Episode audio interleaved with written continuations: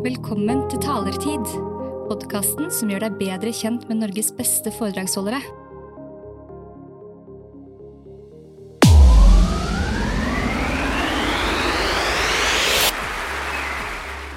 Wow. Jan Martin Berge, du er psykologspesialist, du er arbeidslivspsykolog og er mye ute i det norske arbeidslivet. Hvordan står det egentlig til med arbeidsgleden i Norge for tiden? Du, jeg tror det er mye arbeidsglede rundt omkring. Og, og, og det er kjekt å observere. Eh, samtidig så ser jeg at arbeidsgleden kanskje er satt under litt press. Og det jeg mener med det, det er at eh, Kanskje jeg tar feil her, da. Men jeg tror mange har veldig mye å gjøre. Men ikke nødvendigvis nok ressurser, føler de, til å gjøre jobben sin. Og da kan jo arbeidsgleden bli satt litt på press, fordi mange kan kjenne at de ikke helt strekker til å kanskje bli litt sånn stressa. Hva skjer med oss når vi blir stressa og ikke føler at vi har de ressursene? Eh, Det mange gjør da, det er at de eh, gønner på, de eh, strekker seg langt, de får dårlig samvittighet når de ikke leverer til tidspunkt, de jobber litt på ettermiddagene, kanskje svarer på en mail i helgen. De strekker seg ofte ganske langt. Og det er jo vel og bra, det, men hvis du gjør det for lenge, så er det noen som opplever at lufta går ut av ballongen, og så blir man mer likegyldig. Og det er jo ikke noe bra plass å være. Så jeg har jo møtt oppegående, kjempeflotte, indre motiverte, eh, dresskledde menn. Og så møter jeg dem og sier hva som skjer. Nei, lufta er ut av ballongen. Mm. Og så sier jeg sånn, ja, men du var jo så engasjert, du levde jo ånda for jobben din. Så sier de at ja, men det, har vært, det ble for mye for meg. Ikke sånn en dag eller to, men det, var, det ble for mye over tid. Og derfor så tar jeg et lite oppgjør med dere Det kommer jo sånne motivasjonstalere. Jeg er jo motivasjonstaler sjøl, men av og til kan de komme inn og si sånn What doesn't kill you makes you stronger. Og da sier jeg sånn Nei, det, det er ikke sikkert at det nødvendigvis stemmer. Vi kan lære ting, ja, men det er ikke at motgang og usikkerhet gjør deg sterkere. Så ja, Det var litt sånn langt svar på et kort spørsmål, men jeg tror at det er mye arbeidsglede. Men eh, vi må nødt til å hegne litt om den, eh, fordi at eh, indre motiverte folk har, vi, vi har også noen begrensninger, så vi må, ta, vi må finne en balanse her. da, Det er jo det vi er ute etter. Og vi må snakke litt mer om det, for sikkert mange som hører på nå, er jo av den typen som de står opp tidlig, de liker å gå på jobb, de er motivert, de har det gøy på jobben. Men de menneskene som vi da kjenner og hører om som ikke eh, klarer å sette grenser, eller, eller hvor strikken ryker, handler det om en slags manglende selvkontroll, eller, eller er man ubevisst? Hva, hva er liksom årsaken til at det går galt de gangene det går galt? Og her tror jeg det er mange innganger til å oppleve at man ikke mestrer jobben eller livet sitt. Det er mange innganger til det. Eh, Kroppen vår skiller ikke om det er på jobb eller privat. Men, men jeg tenker at eh, jeg som psykolog må passe meg litt for ikke å bli for individfokusert. Altså, kom til meg, så skal jeg lære deg å, å puste riktig, eller tenke riktig, ikke sant. Og vi har og tema selvledelse. Ok, ja, kanskje vi skal snakke litt om det etterpå, men jeg må først og fremst si at jeg må ikke bli så sneversynt og tenke at det handler bare om individet. Og psykologer er gode på individet. Men vi må liksom huske på at arbeidsplassen, det er også det er en fabrikk. Det er en system. Og noen vil jo si at det er en, en fabrikk som skaper ubehag. Poenget mitt er at uh, vi kan ikke uh, sende folk på kurs på mindfulness på JAR i helgen. Jeg spurte han som driver kurset på JAR i sånn oppmerksomhetstrening, så sa jeg hva gjør dere her, det går jo dritbra i kurset ditt. Ja, nei, her prøver vi å gjøre minst mulig. nei, så, Så Vi kan ikke sette, sette ansatte til å gå og lære seg å puste Nei. hvis det er dysfunksjonelle rammevilkår. Nei. Det er det jeg prøver å si. Så arbeidsplassen har et ansvar for å legge til rette for at vi kan oppleve jobbtilfredshet. Så rammene i arbeidslivet er veldig viktig. Dette er juss, men så er også psykologi inne i bildet, og det er her jeg kommer inn og sier at vet du hva, dere må ha rammene på plass, og vi er best i verden, faktisk. Vi er gode på arbeidsliv i Norge, eh, men så har også den ansatte et ansvar selv. Bra. Og selv om mange norske arbeidsplasser er store, så er det jo sånn at veldig mange jobber i mindre team. Fire, seks, åtte, ti, tolv personer. Hva kan kolleger og nærmeste leder gjøre for å sikre at det å gå på jobben er gøy, at det gir energi, at folk har en bra balanse i livet sitt? Hva, hva, kan du gi noen eksempler på det? Ja, det er så fint at du bringer det opp, for at det er vel noe jeg brenner litt for, rett og slett. Eh, når det er mye usikre tider, eksempel, det er mange som kjenner seg igjen i, eh, når vi ikke får så jævlig mye hjelp av verden der ute Jeg føler ikke at vi får sånn kjempedrahjelp. Pandemi, Putin, olje- og gassprisen den ordner opp nå, da, men så har det bensin, strøm, matvarer altså det, Jeg føler ikke at vi får så veldig mye drahjelp fra verden der ute. Og da kommer Åge Aleksandersen inn i bildet. og hva sier han? Han sier at da skal vi holde omkring hverandre Ja. og vite det her skal gå. Ja. Poenget mitt er gode kollegaer. Dere kan være vitaminer for hverandre. Og jeg sier ikke bare for at jeg er sånn vi er bare hyggelig, jeg sier det for at jeg har forskning i ryggen som sier at folk som har opplever og har sosial støtte på jobb, de har et bedre og sterkere immunsystem enn dem som ikke har det.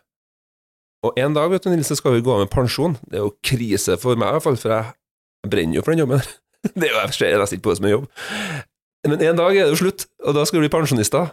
Og vet du hva? Den effekten av å ha noen sosiale støtte på jobben, på immunsystemet ditt, den effekten varer også etter at du har blitt pensjonist. Så gode kollegaer kan være vitaminer for hverandre. Det koker ned til hvor tilgjengelig er du for kollegaene dine? Og hva kan de gode kollegaene gjøre? Kan det være konkret? ikke sant? På en arbeidsplass, på et kontor, på et sykehus, på et advokatfirma? Kan du gi noen eksempler på hva som er bra eh, vitamininnsprøytninger for eh, de de jobber sammen med? Ikke sant? Husker han Sten Broman? Ja, jeg er såpass gammel at jeg husker han som Referanse, jeg er forsiktig nå, for nå er unge lyttere som blir helt sånn, de skjønner ikke hva jeg snakker om. Men det var en, en programleder på Kontrapunkt fra Skåne. Vi kobla inn bur A, vi kobla inn bur B. For dere som ikke skjønner noen ting nå, jeg skal være veldig kort, men det var en programleder som var god på én ting. Uansett hva deltakerne svarte eller ikke, så sa han just presis. Han var god på anerkjennelse. Kristine Koht, har du noen gang sett hun på scenen? Ja. det, det er jo ikke noe skam oppe på scenen her. Det er jo drøyt. Hun tar folk opp på scenen, putter dem i puppene, tar menn i skrittet. Det er jo helt drøyt. Men hun sier at på norske arbeidsplasser må vi bli bedre til å si 'Herregud, Nils, jeg elsker deg'. Anerkjennelse. Psykolog Berge sier sånn Kanskje ikke du trenger å si 'herregud, jeg elsker deg', men kanskje si 'hei, Nils, hyggelig å se deg i dag'. Måten du eh, forholdt deg til han taleren Jan Martin Berge, måten du eh, oppfører deg mot han, og måten du satser på å se en, og kanskje gi en litt konstruktive tilbakemeldinger, det syns jeg er imponerende. Tema feedback. Vi har en talerkollega som heter Pellegrino Riccardi, som er med i en tidligere podkast, han sier at vi må ha mer love in the workplace. Ikke betydningen av love sånn som vi har med partnerne våre, men vi ledere må vise mer kjærlighet for medarbeiderne. Kolleger kan vise kjærlighet til hverandre og si 'så fin du er på håret i dag', eller 'fantastisk rapport du sendte over i går', det var et nydelig stykke arbeid, ikke sant? For. Og, og vise det, eller 'jeg er så glad for å, å kunne spise lunsj sammen med deg', for det er så gøy når vi sitter nede i kantinen. Altså, bare si sånne ting, da. Det er nydelig. Og, og da har jeg vært sånn opptatt av, for her har norsk arbeidsliv en, en utfordring. Vi er ikke best i klassen på det temaet her, det er feedback. Eh, jeg er enig med, med at kjærlighet, varme følelser, positive følelser, det er fint. Men hos mange arbeidsplasser så får man ikke tilbakemelding på eh, det man gjør. Og her er ikke vi best i klassen. Så her har vi en, her har vi en forbedringsområde. Hos oss er det sånn at jeg får vite det når noe går galt. Ja, må det være sånn? Når catcher du noen og gjør noe bra? Mm. Og Derfor så snakker jeg om feedback som at det er, fers, det er ferskvare. Og prøv, prøv, å- prøv å catche noen i å gjøre noe som var bra. Eh, det holder ikke med sånn generelt. Hyggelig å ha deg her, Martin. Det bør være litt sånn ferskvare. Konkret linka opp til en erfaring. Måten du gjorde den podkasten på, måten du snakka med den vanskelige kunden. Og, kanskje, og så tenker jeg også at den feedbacken må være litt sånn ekte. Finn noe i deg selv som er litt ekte. Så her har vi en utfordring, eh, som jeg prøver å, liksom anerkjenne at her har vi en utfordring, men prøve å pushe liksom folk på jobben da, til å bli bedre på å gi hverandre konstruktive tilbakemeldinger. Så det er nesten den enkleste medisinen. Begynne å se hverandre og begynne å gi hverandre konkrete tilbakemeldinger. Mm. Og husk på at dere som har vært på et lag noen gang, eller et kor, eller et band, eller en arbeidsplass, eller jeg har spilt mye basket. Har du vært på et sånn skikkelig bra lag, så sitter du ikke bare og sier kos, kos og gull, gull og klem og kos. Nei, det kan gå i kule varmt, men på gode lag så tåler vi det. Mm. For det, det, det, det handler om Jeg trenger ikke snakke så mye om psykologisk trygghet, men det handler om at det er noe trygghet i bunnen der, da, ikke sant, som er viktig. Fundament. Og, ja. Du nevnte Åge Aleksandersen. Han sier jo også at vi må leve av livet, og snakker om fire pils og en pizza. Hvor viktig, er, hvor viktig er privatlivet for å, for å gjøre en god eh, figur på jobben? Jeg tror det er kjempeviktig, men eh, jeg tror ikke alle har det like greit på privaten, og da kan eksempel jobben være en arena der du virkelig bare Vet du hva, ting er så vanskelig hjem at jeg bare gleder meg til å få laga meg på jobb. Mens noen har det trasig på jobben og er veldig glad for at vet du hva, jeg har nå i hvert fall noen hjem der. Så, så eh, det er sammensatt der, og og jeg tror begge arenaene er veldig viktige for oss. Arbeidsplassen er jo et helsehus. I dine foredrag så har jeg annet hørt at du snakker om noe som heter toleransevindu. Ehm, kan du fortelle hva det er, og hvordan det kan brukes? Ja. Du kan se for deg et, et bilde av et vindu, eh, der over vinduet så er det pluss, og under vinduet er det minus. Det vinduet der, det kan du tenke på, det er et slags bånd, eller et vindu, da. Det er et bilde på kapasitet. Og Det er det jeg mener med what doesn't kill you does not make you necessarily stronger. For at hver gang du står i fare for å miste jobben, eller hver gang du opplever et traume, det vet vi fra traumepsykologien, da blir det eh, vinduet der smalere. Um, for du blir ikke sterkere hver gang du blir utsatt for et traume. Det sier seg sjøl. Når vi snakker om voldtekt, ran, eh, terrorisme, så skjønner vi at folk blir ikke sterkere hver gang de opplever det. Det er nesten motsatt. Du blir mer skjør, toleransevinduet blir smalere. Ok, Så det er liksom det jeg henter det fra. Så det jeg prøver på, da, i terapi, for jeg jobber jo 70 av tida mi face to face med pasienter, og så jobber jeg resten, og er så heldig da, å få lov til å møte veldig mange virksomheter, så prøver jeg å si noe om hva trenger du, hva trenger dere for å ha store forhold i toleransevinduet? Stikkord robusthet, da. Og for dem som lytta, så hørte jeg sa pluss. Over det vinduet så er det litt sånn der hyperaktivering. Sånn som i sted, når jeg skulle inn her, så bare tenkte jeg nå, nå gjelder det, liksom. Nå må jeg være litt, nå må jeg våkne, Martin. Så det er bra. Litt stress er bra for prestasjon. Men nå er jeg inne i vinduet, nå er vi til stede. Nå glemmer jeg tid og sted, nå håper jeg du tar tida her, Nils. Jeg har ikke peiling. Det går fint, ja. Og, og så pluss er litt sånn bra, litt, litt, men, men å være for stressa over tid, det er ikke noe bra. Hva trenger du for å komme deg inn i vinduet igjen? Minus, det var han jeg snakka om i sted, eh, lufta ut av ballongen. Underaktivering. Folk som, eh, Du har sikkert kjent noen som har vært jævlig opptatt av jobben sin, og veldig glad i jobben sin. Kanskje møtt dem på fritida, de går med logoen på en genser på, med jobben sin. De bare 'Jeg er jobben min, jeg'. Og så merker du møter dem i et juleselskap, helt blank. Da kan det være at de er under vinduet sitt. De er Mm. underaktivert og begynt å bli så likegyldige fordi, for eksempel, da, tredje runden med permittering og nedbemanning på jobben, til slutt så bare fant jeg ut at kroppen min sa bare stopp. Da er de under vinduet, og da er min jobb, og din jobb, hva trenger du for å komme deg inn i det vinduet, Mm. og lage det vinduet større? Mm. Ga det noe mening? Ja. Ok. Jeg vet at du også, særlig det siste, har blitt opptatt av dette med søvn. Og jeg er også opptatt av søvn. og Jeg snakker med kloke folk som sier at søvn er ofte en litt sånn undervurdert Mm. eh, kilde til velvære. Hva, hva sier psykologen om det å sove og søvn? Ja. uh, mange ting å si om det, uh, men uh, Er det bra å sove mye? Ja, det, det er for, for det Mye er relativt. Altså, de fleste av oss, det er sånn myte, da, vi trenger åtte timer søvn, og skjønnhetssøvn kommer før klokka tolv og sånn. Det er ikke forskerne nødvendigvis enig i. De sier at det er litt forskjell på hvor mye søvn vi trenger, men de fleste av oss sover mellom seks og ni timer. Men jeg er opptatt av det jeg kaller ikke jeg kaller det, men det forskerne kaller søvneffektivitet. Søvneffektivitet er jo klar for en liten formel. Antall timer i senga, åtte timer for eksempel. Antall timer i søvn, fire timer. Så gang, deler du det med hverandre og ganger med 100, da får du 50% Nå må du vite, du som hører på, jeg som din psykolog her nå, jeg vil at du skal være over 85% i søvneffektivitet.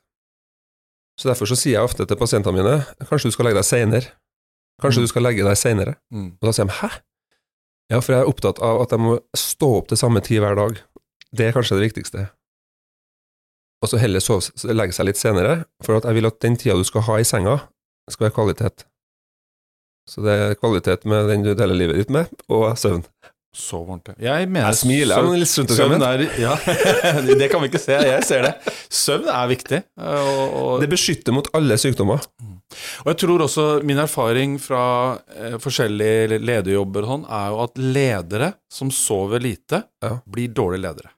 De blir ampere, Mm. de blir slitne, de får kort lunte. Det har jeg kjent på selv, og gjort feil selv ved at jeg har for har vært litt sånn nebbete mot medarbeidere fordi jeg selv har vært sliten. Ja, Så jeg tror at et eh, veldig enkelt råd til ledere, Mm. i tillegg til at de ikke skal brenne seg ut selvfølgelig, vil være å få seg en god søvn, Mm. slik at de møter på jobben om morgenen med smil, optimisme, glede, har tid til å ta en kaffe med kollegaen, tid til å flire litt, og, ikke sant? for da blir man en bedre sjef. Jeg tror det. Så en liten sånn advarsel der, at eh, hvis du Mm. som leder sover for lite, så pass på, da kan du bli en dårlig sjef. Jeg, eh, så fint at du tør å bare være litt ærlig på at Ja, sånn eh, for, for jeg tror du har så rett. Ja. Og det kan jeg jo si, da, at, eh, at de siste par ukene her så har jeg fått veldig mange forespørsler. Ja. eh, og en, tredjedel, en fjerdedel av dem er søvn, eh, og så det arbeidsglede, men også mye på stressmestring. Ja. Og det vi snakker om nå, henger sammen, og søvnmangel er ofte et symptom. Det er ofte det første mange kjenner på når det Ja, begynner å bli og- trange forhold i toleransene. Og når du sier det, vi har begge barn som nå begynner å bli store, men de har vært små. Og eh, jeg snakker med yngre, både gutter og jenter, som er i den etableringsfasen. Og der kjenner jo veldig mange på at den småbarnstiden, den er tøff. Er. Særlig for kvinnene, Mm. eh, men også for gutta. Selv om ikke det er noe synd på oss. Og det er klart, der er det jo mange som går på en smell Mm. ved at du er skikkelig lav på energi pga. manglende søvn, og så går det utover masse annet. Og det er jo en parallell til, også til arbeidsliv. Hvis du da har en kontinuerlig dårlig søvnsyklus, så går det utover de rundt deg. Eh, og ikke for å være slem, men eh, jo mindre du sover, jo kortere liv får du. Så så mye. du, eh, du nevnte et begrep i stad som har vært mye snakk om, nemlig dette med psykologisk trygghet. Det er blitt et litt sånn moteord, men det er desto viktig.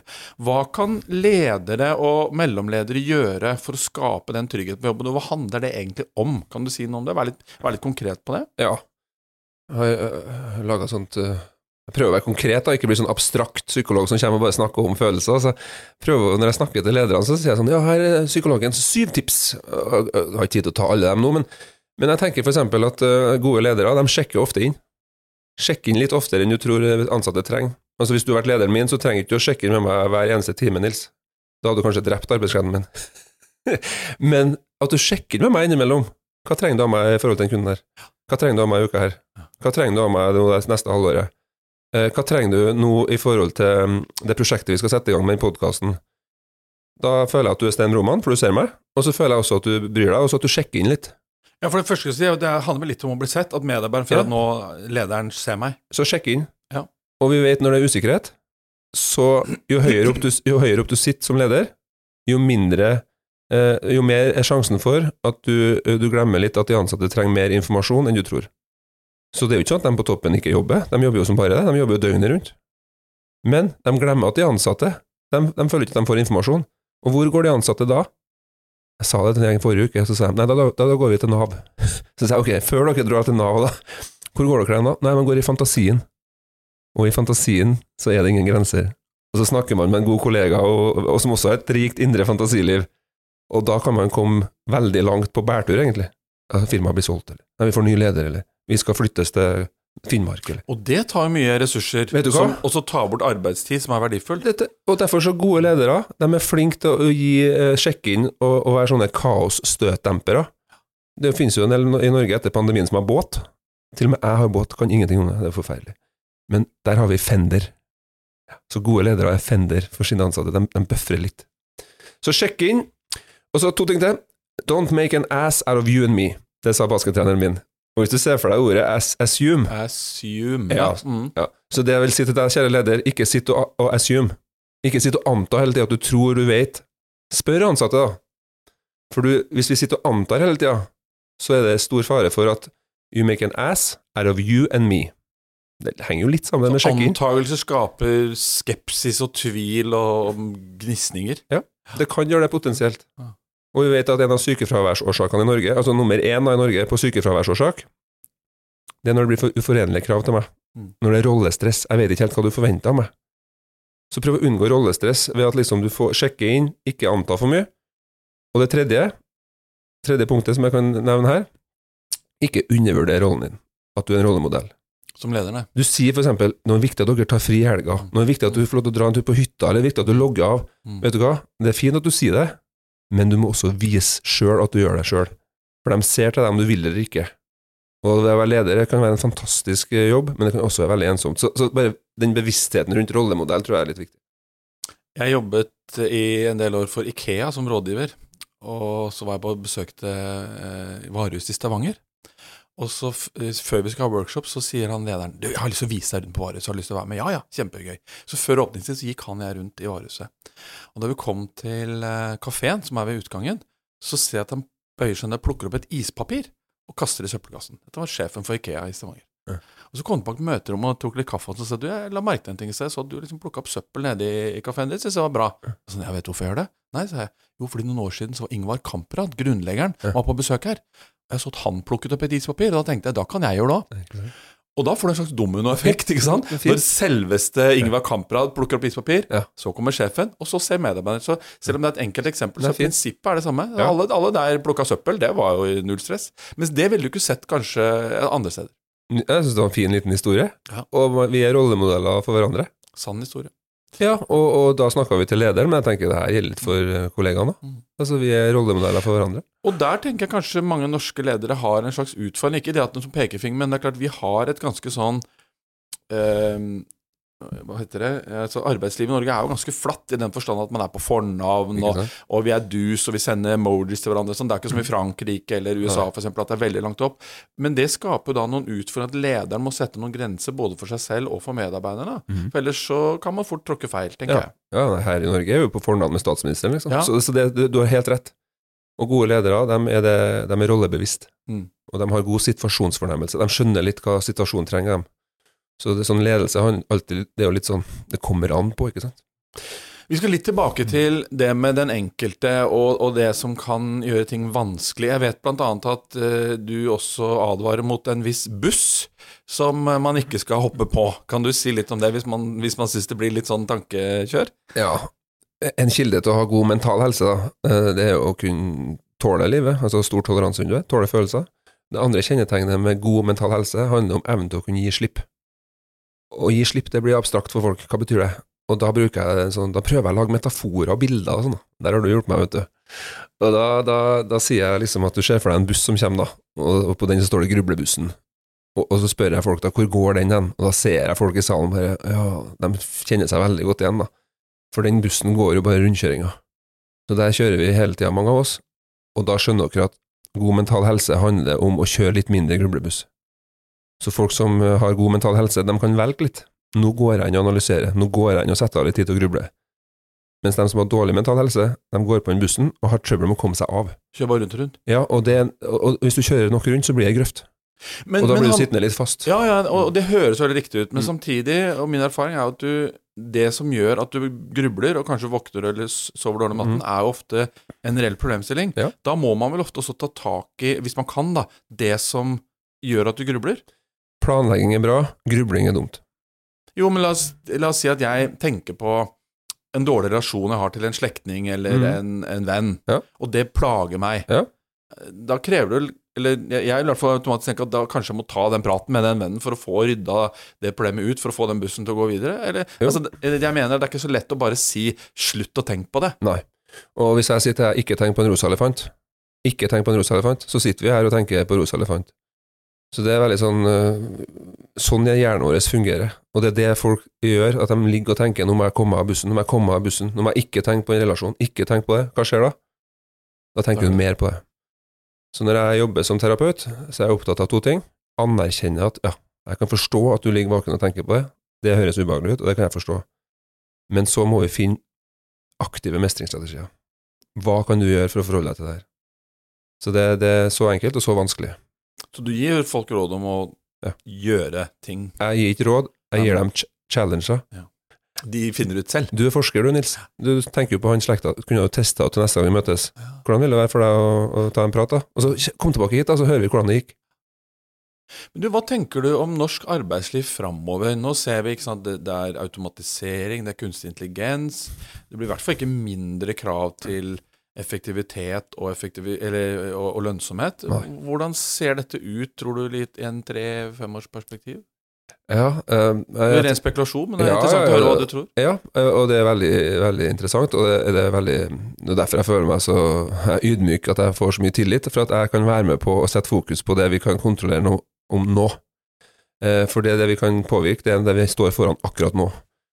Og da tror jeg vi må ta vare på mye av det som vi har i Norge, i forhold til hvor mye bra som har blitt lagt av grunnlag i norske velferdssystemet, norske arbeidslivet, det trepartssamarbeidet, og hvordan vi har veldig, veldig gode ordninger. Vi, vi rigger, og så er vi heldige med masse naturressurser. Så det som blir utfordringa nå, er å rigge oss, at vi er tilpasningsdyktige for framtida. Det tror jeg vi er. Men det kommer jo an på deg. Det kommer an på meg. Og det er det vi skal skape sammen. Forskninga her er veldig tydelig. Det er flere spørsmål enn svar. Så vi må nødt til å gjøre det sammen.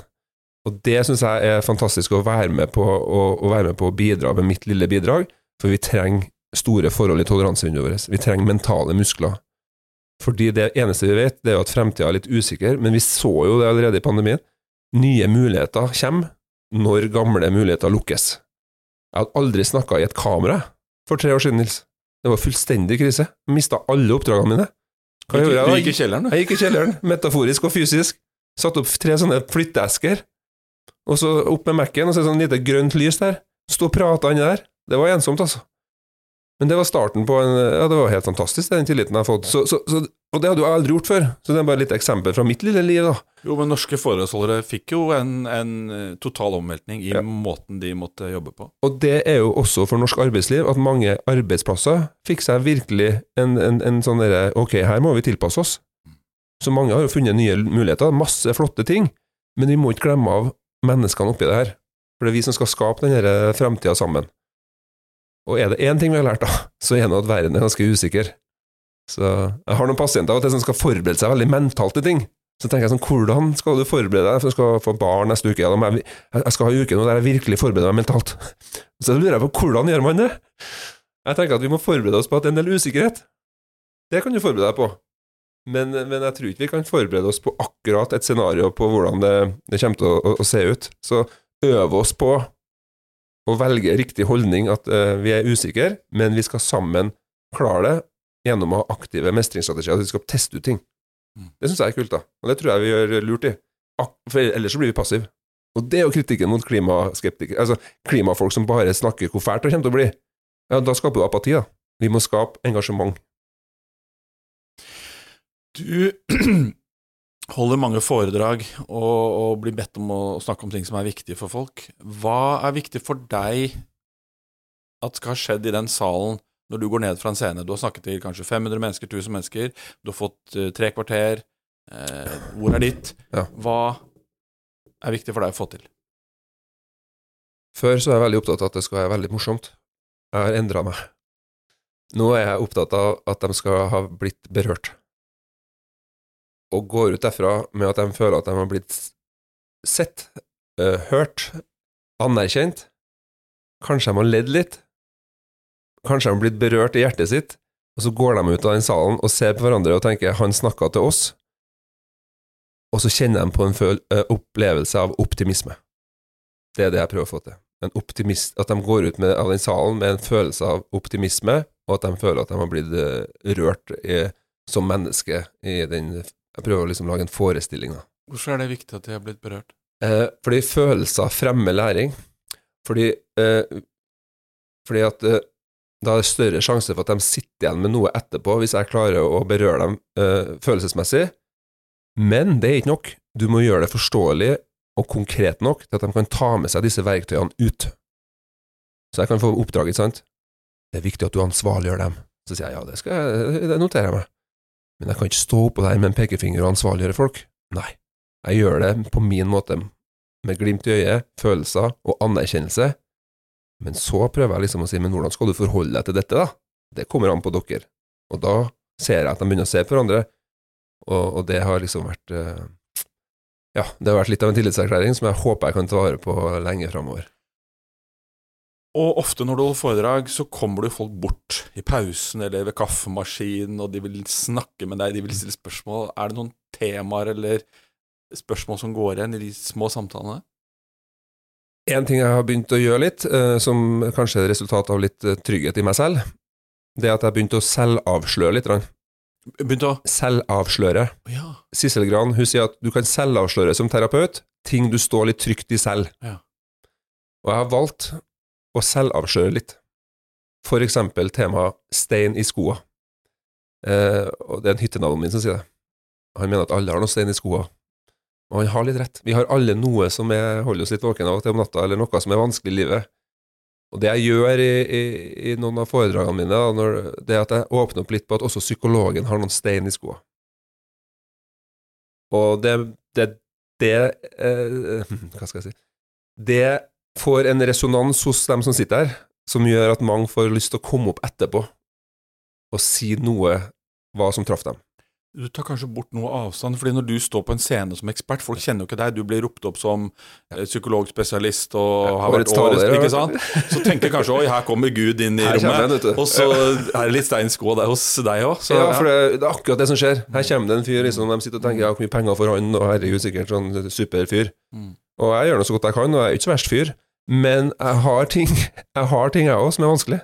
Og så har jeg valgt å åpne opp litt for det, som gjør at, jeg, at eh, jeg vil at de skal vite at jeg er en av dere, og vi er alle sammen sammen om det her. Og, og det er vel det som folk sier etterpå, at vet du hva, det var fint, altså, men det er troverdig.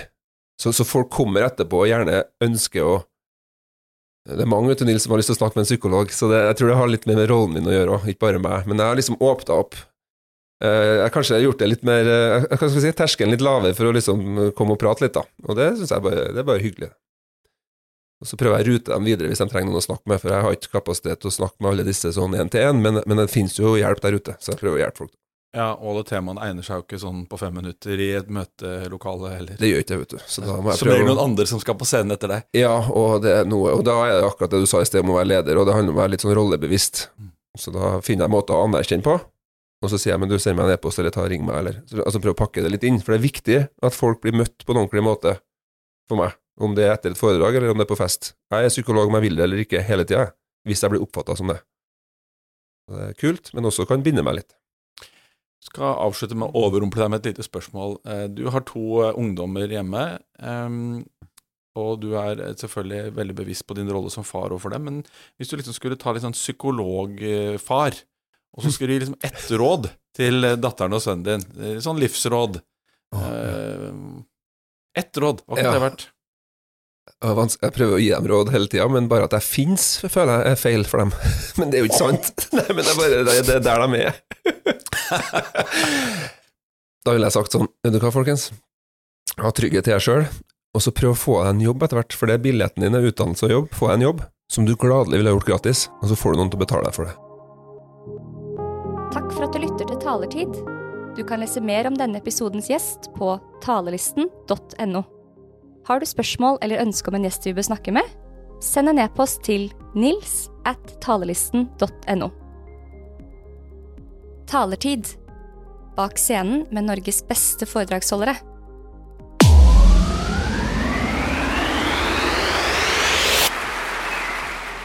Wow.